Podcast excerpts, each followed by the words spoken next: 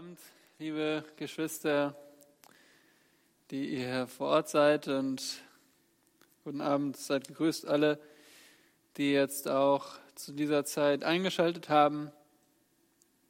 Da es wieder heißt, Freude an der Frucht des Evangeliums und Freude ist auch das Stichwort. Freude und Verfolgung, wie passt es zusammen? Nun, gleich zu Beginn wollen wir einige Verse lesen aus Matthäus Kapitel 5, aus den Seligpreisungen der Bergpredigt des Herrn Jesus, weil wir auch bei einer Stunde über die Kirchengeschichte auch Gottes Wort reden lassen wollen. Denn das ist das, worauf wir unseren Glauben bauen, worauf wir uns immer und ohne Vorbehalte verlassen können. Und so brauchen wir auch Gottes Hilfe zum Verstehen seines Wortes und im Licht seiner Wahrheit auch einen Blick auf Geschichte. Da brauchen wir Gottes Hilfe für eine rechte Sicht. Lasst uns ihn darum bitten. Lieber Vater, in Jesus Christus kommen wir zu dir an diesem Abend. Wir danken dir für deine Güte, die du an uns erwiesen hast. Danke, dass wir Leben haben, dass wir Luft zum Atmen haben, dass wir Gesundheit haben, dass wir versorgt sind mit allen Lebensnotwendigkeiten und darüber hinaus, dass wir Freiheit haben, uns zu versammeln, dass wir Freiheit haben, einander zu grüßen, zu ermutigen, anzurufen, zu treffen.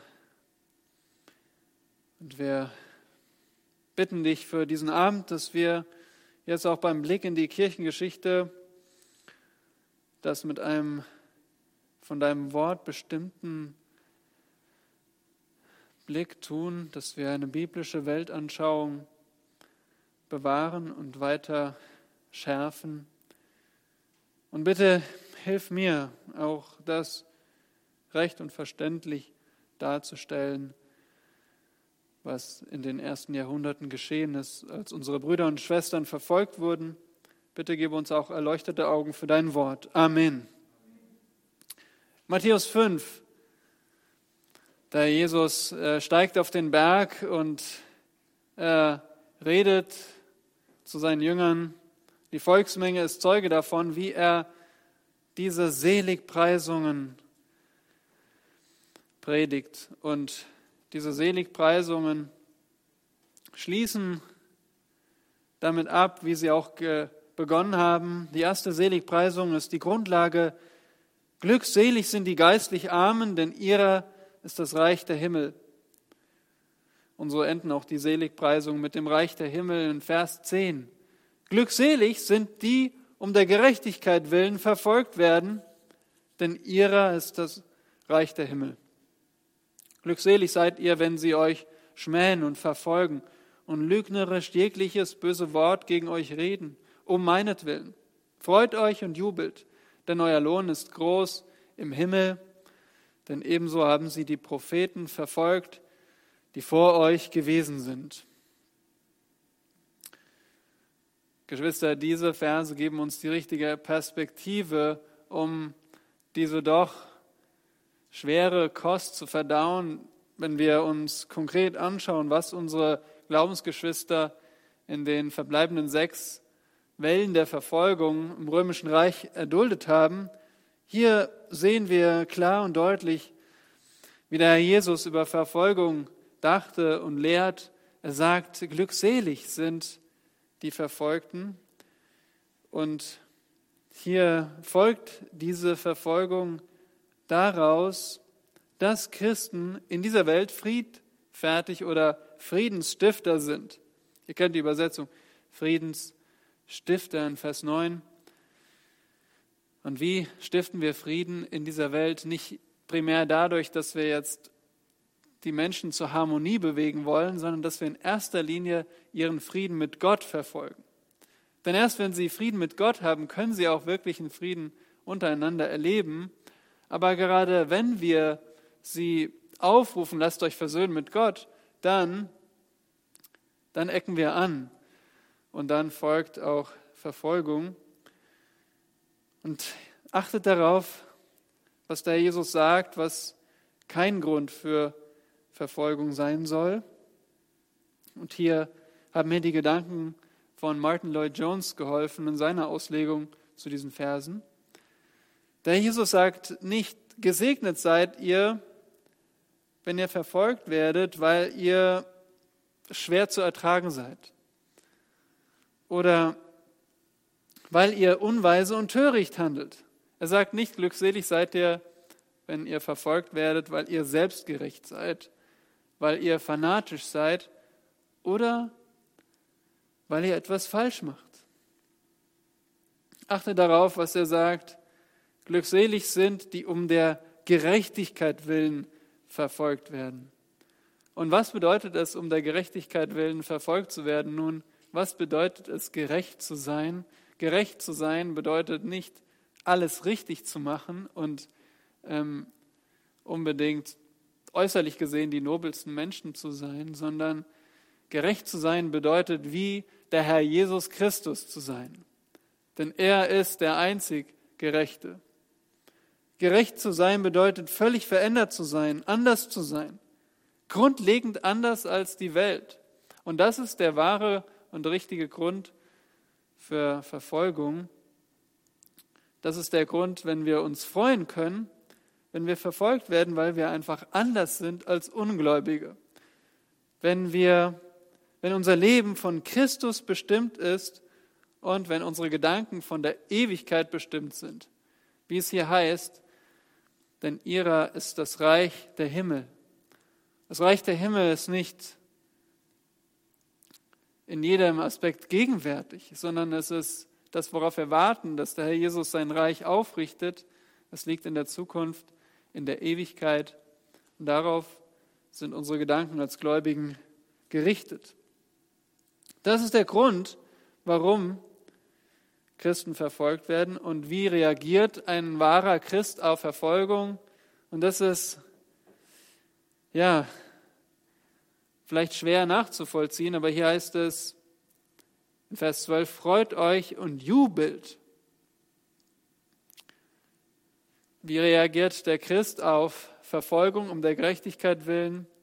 Nicht mit Vergelten, nicht mit Zurückschlagen, auch nicht mit übel nehmen. Also zwar nicht zurückschlagen, aber es den Menschen übel nehmen, dass sie die Christen verfolgen, selbst das nicht. Und noch etwas. Der Christ reagiert nicht einmal niedergeschlagen, denn hier heißt es, freut euch und jubelt. Unfassbar, oder? Das ist, was der Herr Jesus wie der Jesus einen geisterfüllten, erneuerten Menschen beschreibt, einen Christen, eine Christin, die sich freuen kann über Verfolgung um der Gerechtigkeit willen. Aber warum? Warum in einer Welt kann man sich über Verfolgung freuen? Nun, versteht mich richtig, wir, wir freuen uns nicht darüber, dass wir verfolgt werden, denn Verfolgung an Christen ist und bleibt eine Sünde. Auch wenn es Effekte hat, wenn es Früchte hat, die in Gottes Plan einen Zweck erfüllen, einen förderlichen Zweck, so ist und bleibt es eine Sünde, wenn Christen um ihres Namens willen verleumdet, geschlagen oder getötet werden. Also wir freuen uns nicht darüber, dass das passiert, sondern wir freuen uns darüber, was es ausdrückt, was es beweist. Erstens, wir können uns freuen über Verfolgung, weil es beweist, dass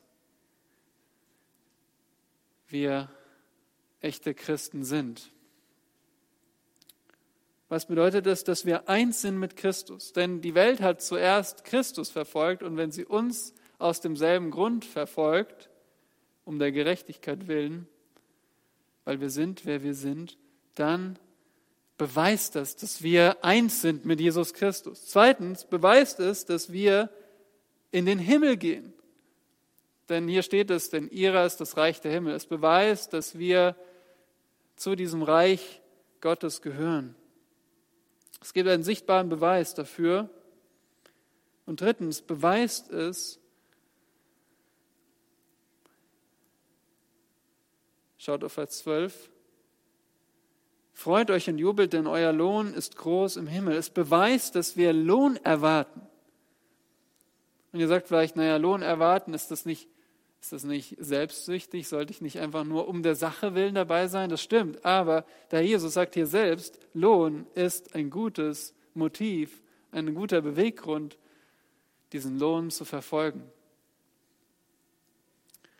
Weil dieser Lohn kommt nicht aufgrund unserer äh, Würdigkeit, weil wir es verdienen, sondern aus der Liebe des Vaters.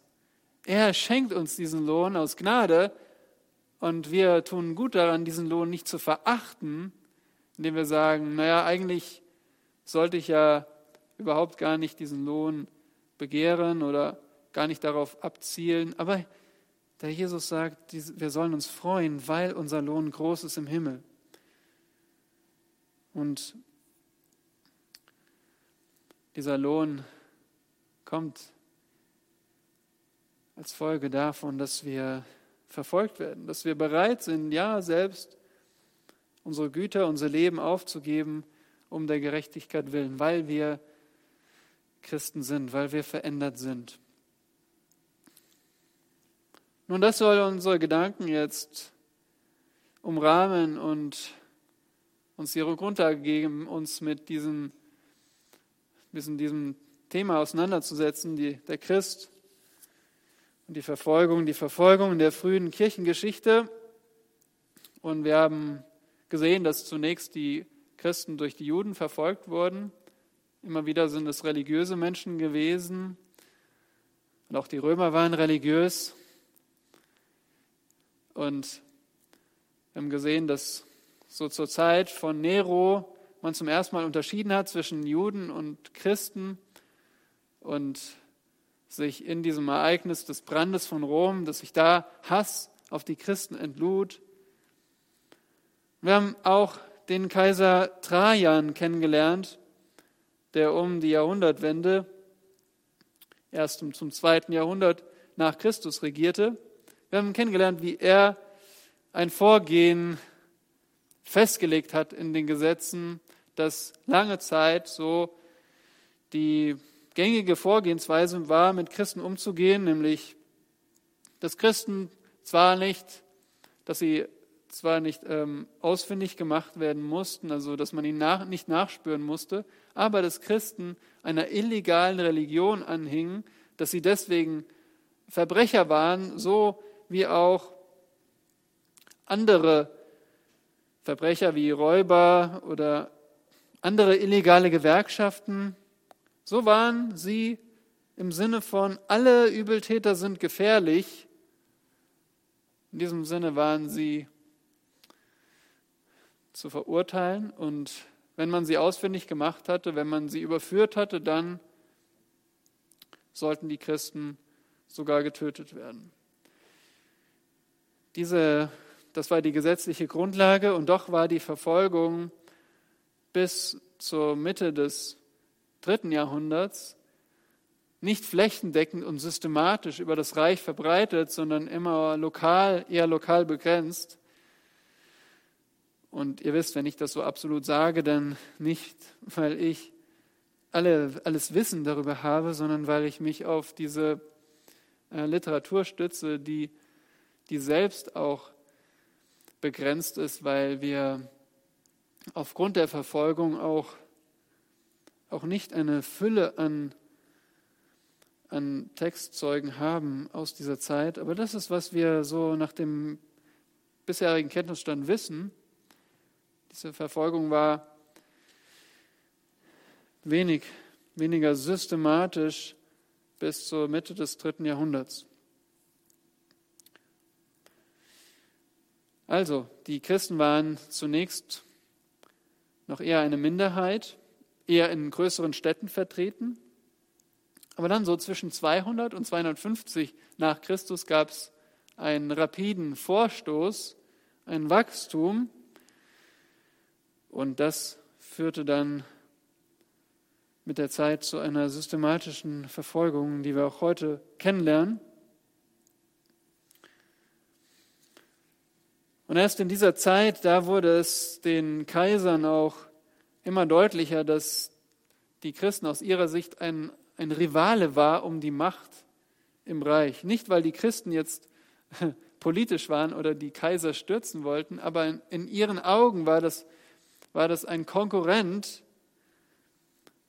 eine Organisation, die immer größer wurde. Und deswegen musste sie in den Augen der Regenten auch vernichtet werden. Wir haben schon vier Kaiser näher kennengelernt, unter denen es Christenverfolgung gab. Und wir steigen jetzt weiter ein bei der fünften Verfolgung unter Septimius Severus. Ende des zweiten und Anfang des dritten Jahrhunderts. Dieser Septimius Severus, der stammte aus dem heutigen Tunesien und deswegen war auch eher orientalisch geprägt als Charakter. Er war nicht so ganz der Staatsreligion hingegeben, aber er sah sich auch dieser antichristlichen Haltung des Volkes gegenüber, die war immer noch da. Und so erließ er im Jahr 201 ein strenges Gesetz, der dieses Gesetz ver, ver, verbat das Übertreten zum Judentum und Christentum. Und somit wollte er das Christentum weiter einschränken, dass, sich, dass es also dass es ein Verbrechen war, zum Christentum überzutreten. Und ein Jahr später begann eine starke Christenverfolgung, vor allem im Osten des Reiches, nämlich in Ägypten und, und in Nordafrika, also auch da noch eher auf bestimmte Teile des Reiches begrenzt. Denn gerade in diesen Regionen, Ägypten und Nordafrika, da Da gab es Tausende, die der heidnischen Religion den Rücken kehrten und Christen wurden. Und Severus, der wollte das stoppen, dieses Übertretertum, dieses Bekehren, sich bekehren zum Christentum. Aber die Verfolgung wurde nicht für das ganze Reich verordnet.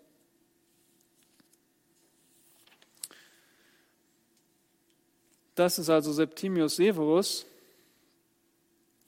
Und auf ihn folgte ein Kaiser Caracalla.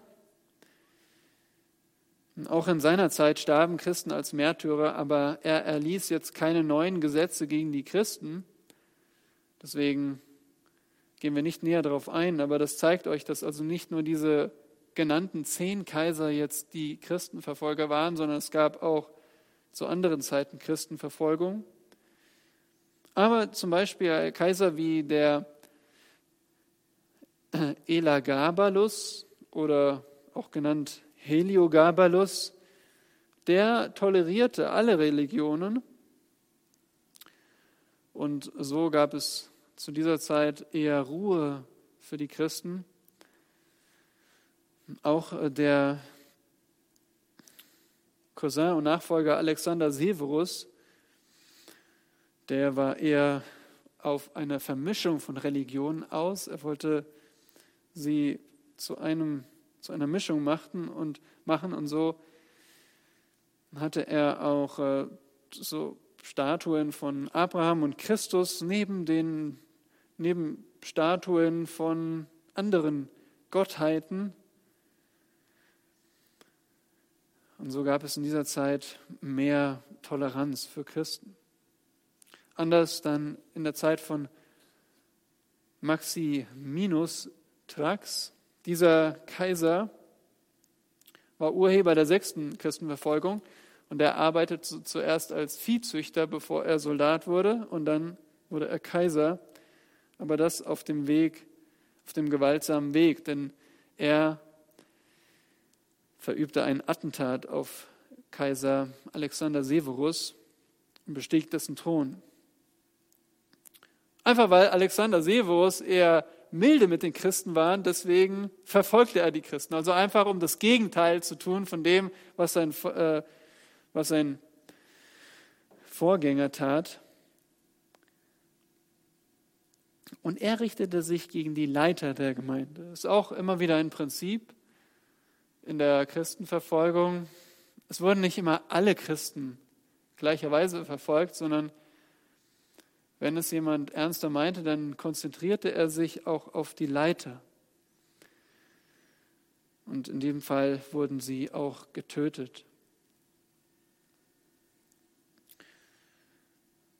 Zu dieser Zeit war die Öffentlichkeit eher, stand nicht so hinter dem Kaiser, einfach weil er von seinem Charakter ein Tyrann war, der auch heidnische Tempel plünderte Traurigerweise wurden zu seiner Zeit zahllose Christen ohne Prozess getötet. Und ja, wenn sie wiedergeborene Christen waren, gingen sie sofort in die Herrlichkeit des Herrn. In seiner Zeit war es auch wieder so, dass, dass es ein, eine neu entfachte Wut des Volkes gab nach einem Erdbeben in Pontus und Kappadokien, also dieser Region von Kleinasien, da gab es ein Erdbeben. Und wie ihr schon wisst, war das ein Anlass, um die Christen zu äh, beschuldigen, solche Ereignisse, solche Katastrophen. Und so gab es in diesen Regionen Pontus und Kappadokien zur Zeit von Maximinus eine von dem Volk unterstützte Verfolgung der Christen. Auf diesen Tyrannen folgte dann Gordianus und der ist hier in unserer Übersicht nicht genannt. Auch unter Philipp dem Araber oder Marcus Ilius Philippus waren die Christen frei von Verfolgung. Das war so die Zeit, ja, wie wir hier sehen an der Übersicht zwischen 200, um, um, ja, 240 bis 250 ungefähr nach Christus. Da hatten die Christen mehr, mehr Ruhe und eine Zeit, sich, äh, ja, Zeit zu verschnaufen, bevor es dann sehr heftig weiterging. Heftig und kurz war die, war die Verfolgung unter dem Kaiser Decius, Decius regierte nur wenige Jahre, hier von Dezember 248 bis August 251. Aber Decius bleibt als sehr, als ein sehr ja, ernsthafter und energischer Kaiser im Gedächtnis. Und weil er so energisch war, so, so ernsthaft für die Stärke des römischen Reiches eiferte, deswegen verfolgte er auch die Christen, weil er in den Christen die Gefahr oder den, den Grund für die Uneinigkeit des Reiches sah. Er sah zum einen, dass das Christentum sehr stark wuchs und dann auch, dass das Reich immer mehr Schwierigkeiten hatte. Und so wollte er die Befolgung der nationalen Religion mit aller Härte durchsetzen. Und er war der Erste, der reichsweit, also über das gesamte römische Reich verbreitet, Christen verfolgte und nicht nur die Leiter, sondern auch die, ja, die gewöhnlichen Gemeindemitglieder.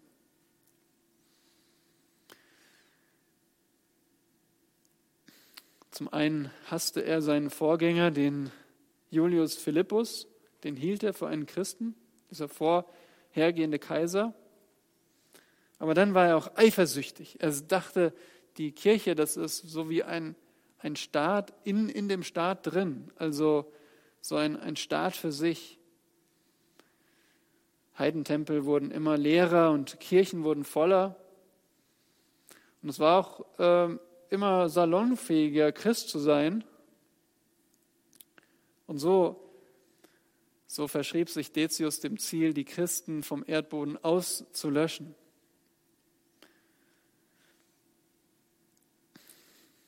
Hier gibt es also einige Unterschiede zu den vorherigen Verfolgungen. Erstmals war es nicht mehr vom Volk ausgehend, sondern von dem Kaiser von höchster Instanz verordnet um den Kaiserkult durchzusetzen. Und diese Verfolgung richtete sich auf das gesamte Reich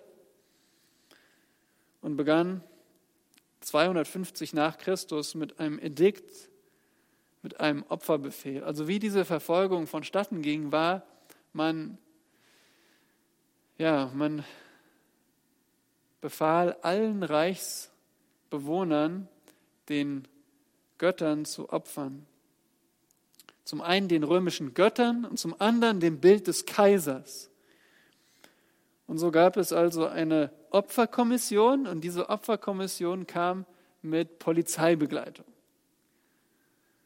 Und das verleiht allem den Nachdruck, oder? Wenn Polizei dabei ist, dann, dann wird man erstmal nervös. Und so war es auch damals. Die Menschen mussten also zu den Tempeln kommen, sie wurden getrieben. Und vor allem wurde natürlich besonders auf die Leiter der Gemeinden geachtet. Also schön, dass die, dass die Pastoren oder damals Bischöfe genannt, dass die Bischöfe, dass die alle schön erscheinen. Und dann waren sie im Rampenlicht und jetzt mussten sie opfern, selbst das Opfer darbringen. Und wenn sie das gemacht hatten, wenn ein Mensch, ein Bürger damals dieses Opfer gegeben hat, dann bekam er eine Bescheinigung. Das nannte man Libellus. Das war eine Bescheinigung, dass man geopfert hatte. Und wir haben auch so ein Textzeugnis aus dieser Zeit. Ich denke, das haben wir hier abgedruckt. Das ist so gewidmet an die Bevollmächtigten des Opferrituals, des Ortes von so und so. Ich habe stets den Göttern das regelmäßige Opfer dargebracht. In ihrer Gegenwart habe ich auch heute gemäß dem Edikt geopfert und Trankopfer ausgeschüttet und von dem Opfer gegessen. Und bitte um Beglaubigung desselben. Leben Sie wohl. eingereicht von, dann kam der Name dessen, der dann beglaubigt, dass er dieses Opfer gesehen hat. Im ersten Jahr des Kaisers von so und so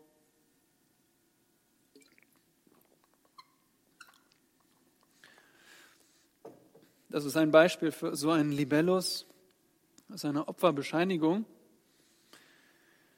Und wenn man das nicht gemacht hat, na dann wurde der Verurteilte getötet und seine Güter wurden konfisziert, also weggenommen. Entweder, entweder konntest du deinen Glauben aufgeben oder Besitz und Leben.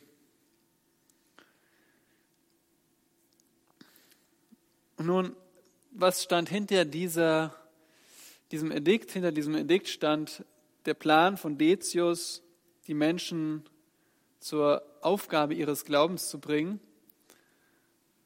Und diese Erwartung war auch nicht ganz unbegründet, weil auch viele kürzlich zur Gemeinde hinzugekommen waren. Auch manche, die eben sich zu den Christen hielten, ohne wirklich im Herzen neugeboren zu sein. Und so kam es auch in dieser Zeit, äh, was wir aus den Textzeugnissen wissen, dass, dass eben eine, ja, eine gewisse Zahl auch an Menschen sofort kam, um ihre, um ihre Opferbescheinigung zu bekommen. Also solche, die sich Christen nannten, kamen auch und haben, haben diese Bescheinigung sich abgeholt. Es ging also bei diesem Edikt nicht darum, massenhaft zu töten, sondern alle Christen zum Widerruf ihres Glaubens zu bringen. Gerade zu Beginn opferte eine große Menge namhafter Christen den Göttern. Oder sie erstanden sich ein falsches Zertifikat. Also manche haben sich auch so ein, ein, eine Fälschung besorgt, um halt ihre Bescheinigung zu haben. Ich habe geopfert. Und dann gab es, war das auch für die Gemeinde Jesu eine Herausforderung, wie sie mit solchen umgehen, mit solchen Bekennern. Auf der anderen Seite gingen immer mehr Menschen in den Märtyrertod und sie erachteten es als ein gesegnetes Los, den Herrn durch Leiden zu bekennen. Und wir können dem Herrn danken, dass diese Verfolgung nur wenige Jahre währte, denn Decius starb 251. Und das war die erste reichsweite, ähm, die reichsweite Verfolgung.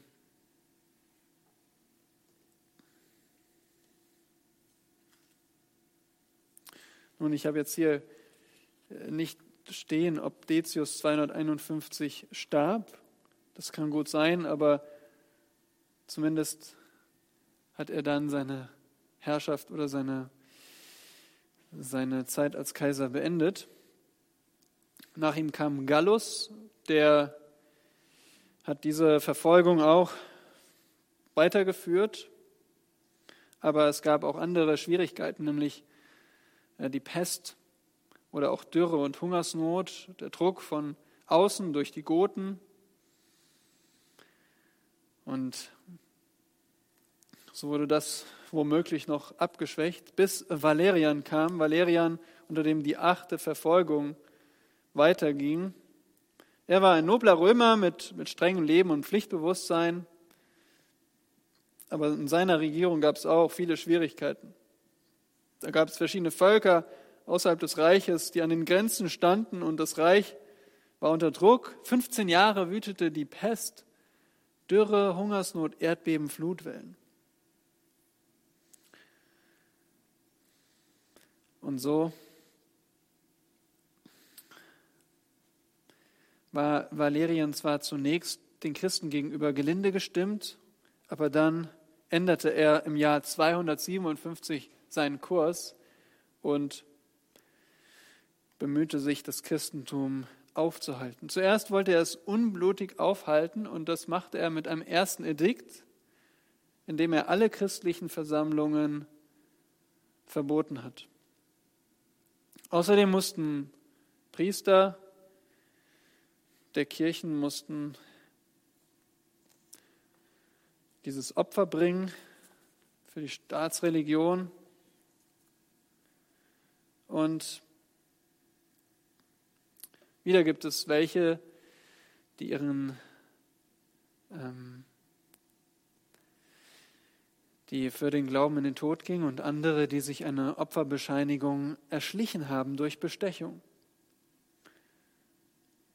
Denn ja, es gab auch Menschen in den Behörden, die das unterstützt haben, die haben gedacht, wer, wer hindert euch, diesen diesen Gott, euren Gott anzubeten, wenn ihr nur zugleich die Gottheiten anerkennt, welche das Reich beschützen? Das ist eine Frage auch an uns. Wie, wie denkst du darüber? Ist das okay? Kann man nicht einfach diese Formalität hinter sich bringen, wenn man doch im Herzen weiter an Gott glaubt? Ist das nicht vereinbar? Ist das wirklich der richtige Weg, dann sein Leben zu riskieren? Nun, vor den Menschen mag das vielleicht in Ordnung sein. Die mögen, für die möge das verständlich sein. Ja, komm, warum kannst du nicht deinen Glauben weiter behalten im Herzen? Du machst jetzt nur hier diese, diese dämliche Formalität und du musst ja gar nicht selbst opfern, du kannst dir einfach so eine, so eine Kopie oder so eine Fälschung holen. Hast du dem doch Genüge getan? Ist es das wert? Nun, immer wieder haben vorbildliche Christen in der Geschichte gesagt, nein, ich werde auch mir keine Fälschung holen. Denn Gott sieht mein Herz. Der sieht, wie ich es meine. Der sieht, warum ich eine Fälschung hole. Der sieht, dass ich dadurch ihm meine Treue breche dass ich nicht mehr ihn als alleinigen Gott anbete, sondern jetzt aus Furcht vor den Menschen ihn im Herzen verleugne. Ein zweites Edikt unter Valerian kam 258 und jetzt sollte, egal wo, alle Amtsträger der Gemeinde sollten sterben, also Gemeindeleiter. Ein Widerruf war nicht möglich. Auf ihn folgte dann Gallienus, ist ein besonderer Kaiser, weil unter seiner Herrschaft hatte die Gemeinde Frieden. Und er wollte dem Kampf zwischen Kirche und Staat ein Ende setzen und er erließ ein Toleranzedikt. Er gab die Freiheit des Gottesdienstes wieder. Stellt euch vor, unter Gallienus wurde das Christentum eine legale Religion.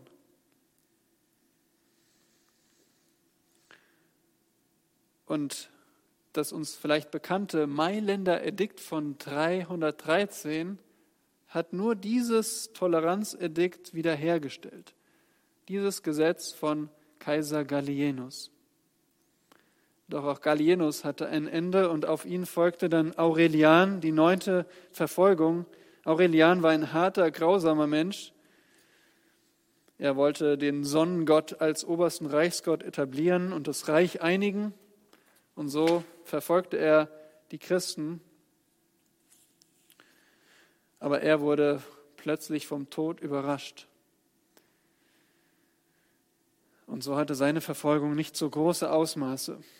Aber dann die zehnte und letzte der großen Verfolgungen kam unter Kaiser Diokletian. Und sie wird als der große Sturm oder die Ära der Märtyrer bezeichnet. Diokletian kam also 284 nach Christus an die Macht und ähm, er hielt etwa 20 Jahre an Toleranz für die Christen fest. Sein Ziel war es so, die politische Unordnung zu beseitigen und, und das Reich neu zu organisieren. Deswegen teilte er auch die Verantwortung, obwohl er die Autorität von Senat und Kaiser in eine absolute Monarchie verwandelte. Aber er verlegte seinen eigenen Sitz nach Nikomedia. Dazu haben wir eine Karte. Nikomedia in der Provinz Bithynien, das heutige Izmit in der Türkei. Da sehen wir es auf der Karte. Dort war sein, ähm, seine Residenz, also im Osten des Reiches. Und Das war Diokletian, der hatte auch einen Unterkaiser, den Galerius. Und dieser Galerius war ein erklärter Feind der Christen. Warum war er so ein Feind? Nun, seine Mutter war eine fanatische Heidin und sie stachelte ihren Sohn Galerius dazu an, die Christen zu verfolgen. Und das färbte auf Diokletian auch mit ab. Und so sah Diokletian keinen Platz für diesen Glauben. Seine Verfolgung begann 303 und endete 311 nach Christus. Und es war ein systematischer Versuch, die Gemeinde vom Erdboden vollständig auszulöschen. Das macht er mit, einer, mit einem Plan. Er wollte erstmal alle Christen von der Armee entlassen sodass da keine Christen mehr unter den Soldaten war. Er wollte alle Gotteshäuser zerstören, alle Bibelhandschriften verbrennen, alle vornehmen Christen enteignen, weil wo würden sich die Christen treffen? Natürlich bei wohlhabenden, bei wohlhabenden Christen in ihren Häusern. Er wollte alle Priester, und damit sind eben Bischöfe, Älteste und Diakone gemeint, gefangen nehmen und zum Opfer zwingen. Und dann, wenn die Gläubigen hirtenlos sind, keine Leiter mehr da sind, dann wollte er die restlichen Gläubigen zum Opfer zwingen, zum Opfer für die Götter und sie dann bestrafen, wenn sie es nicht tun. Und so erließ er eine Reihe von Edikte, die das verfolgen sollten. Aber auch Diokletian wollte kein Blut vergießen. Er wollte die Gemeinde vernichten, aber er wollte nicht, dass jetzt das Reich all seine Bürger verliert. Und deswegen sollten ja die Christen zum Widerruf gezwungen werden. Für ihn war das aber das Problem, dass, dass das nicht so kam. Er verfehlte sein Ziel. Anders als in der Verfolgung unter Decius, als doch zu Beginn zumindest eine, wie wir lesen, eine größere Zahl von Christen oder solchen, die sich Christen nannten, dann ihr Opfer brachten und ihren Glauben aufgaben damit, oder meinten, sie könnten ihren Glauben damit vereinen, dass sie, dass sie diese Opfer brachten, um ihr Leben zu retten. Zur Zeit von Diokletian war es nicht so. Da gingen doch die Christen von Anfang an kompromisslos auch in den Tod.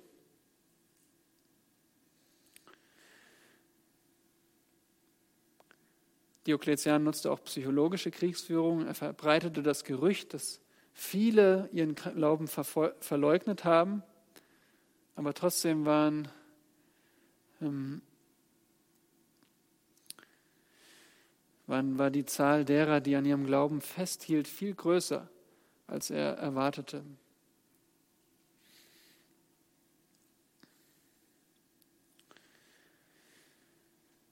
Ja, und so, so wurden, kamen insgesamt fünf Edikte in Kraft.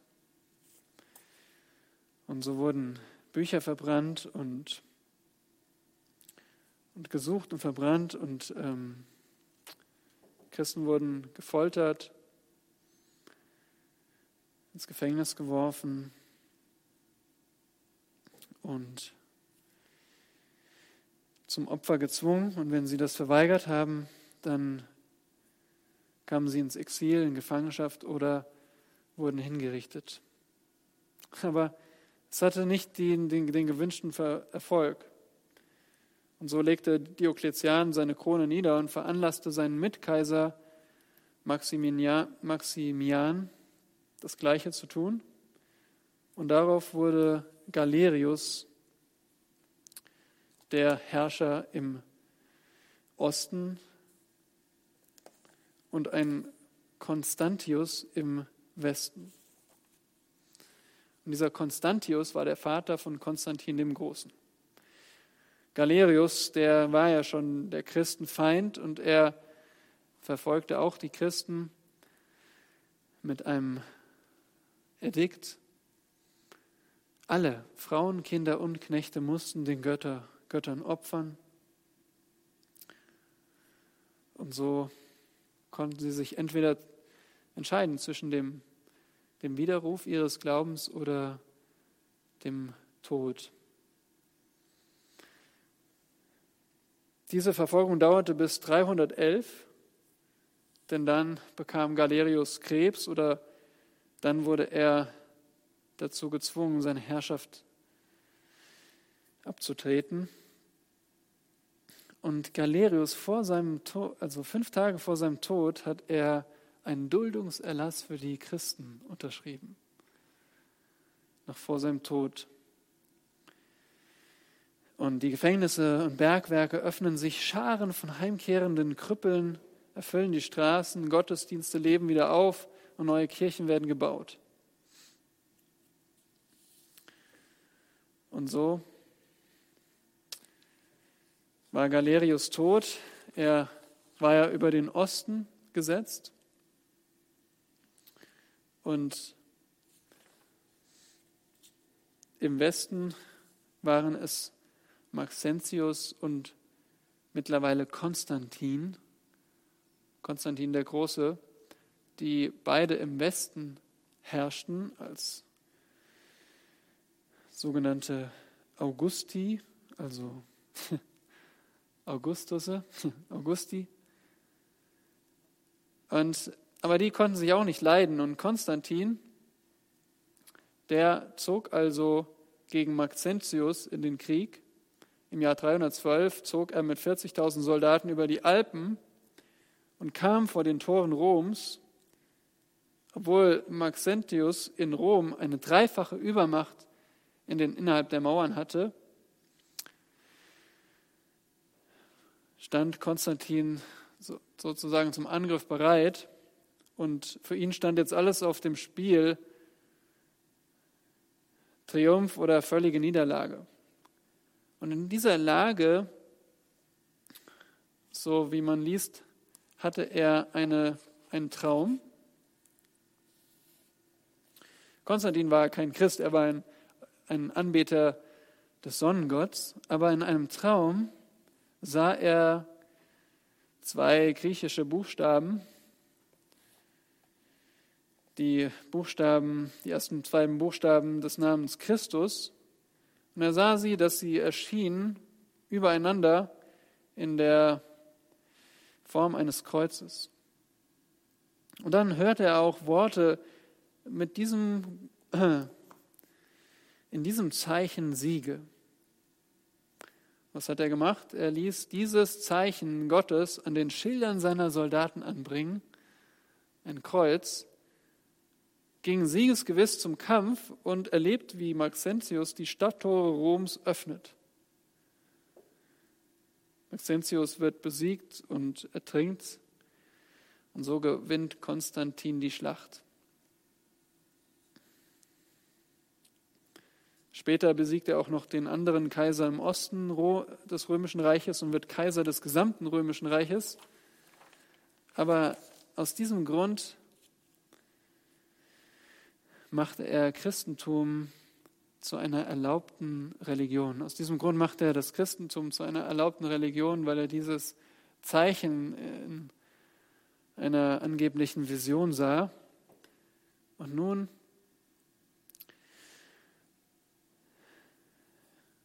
wurden christliche Bischöfe, Priester und Diakone von Steuern befreit. Die Kreuzigung wurde als Todesstrafe verboten. Und grandiose Kirchenbauten begannen. Das Weihnachtsfest wurde unter seiner Herrschaft zum ersten Mal gefeiert am 25. Dezember. Er setzte beim Konzil zu Nicea ein richtiges Bekenntnis durch. Und er lässt sich auf dem Sterbebett taufen. Nun, das ist die Zeit der sogenannten zehn Verfolgungswellen, die endet damit, dass Konstantin dieses Toleranzedikt wieder aufleben lässt von Gallienus und dass er aufgrund einer angeblichen Vision eines Kreuzes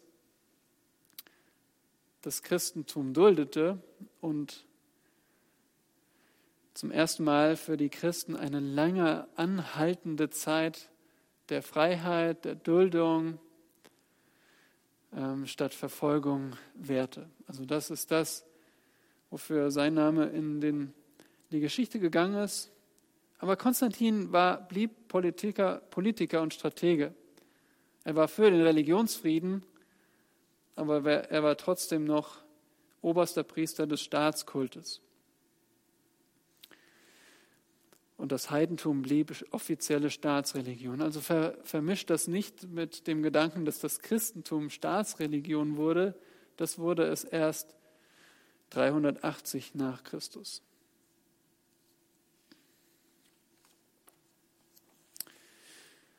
Ja, und so lasst uns enden mit der Erinnerung an Matthäus 5, glückselig sind, die um der Gerechtigkeit willen verfolgt werden, denn ihrer ist das Reich der Himmel. Wir freuen uns nicht darauf, verfolgt zu werden. Wir freuen uns nicht auf diese Erfahrung. Wir freuen uns nicht, dass Christen jetzt schon in vielen Ländern verfolgt werden und deswegen auch Mancher sagt, eigentlich ist jetzt diese Zeit, in der wir jetzt leben, noch, noch gravierender als damals. Damals war es auf das römische Reich begrenzt, auf mehr oder weniger den Mittelmeerraum. Heutzutage werden Christen über die ganze Welt verteilt verfolgt. Es geschieht heute, es geschieht heutzutage, dass Christen mit dem Leben bezahlen, um der Gerechtigkeit willen. Wir freuen uns nicht auf diese Erfahrung, aber wir freuen uns darüber, dass es beweist, dass wir mit Christus verbunden sind, dass wir auf den Himmel warten und zum Reich der Himmel gehören und dass wir auch einen Lohn im Himmel erwarten. Und das ist der Grund, warum wir glückselig sind, wenn wir aus dem richtigen Grund verfolgt werden, nämlich um der Gerechtigkeit willen. Dafür, dass wir Christen sind, dafür, dass wir veränderte Menschen sind, die nicht in diese Welt passen, die wie Christus sind. Und so lasst uns das vor Augen haben. Wir wollen wie Christus sein. Wir wollen, wenn wir erneuerte Herzen haben, immer mehr wie er werden und dann koste es, was es wolle in dieser Welt, wenn wir nur Christus haben. Christus ist unser Leben und Sterben, der Gewinn. Lieber Vater, wir beten dich an, denn du kennst diese Zeiten ganz genau. Wir können uns hier nur auf, auf Historiker verlassen, die nicht inspiriert geschrieben haben und doch uns einen Einblick geben von dieser Zeit, als es illegal war, Christ zu sein und wie die Christen damit umgegangen sind. Es hat deine Gemeinde nicht zerstört. Danke dafür.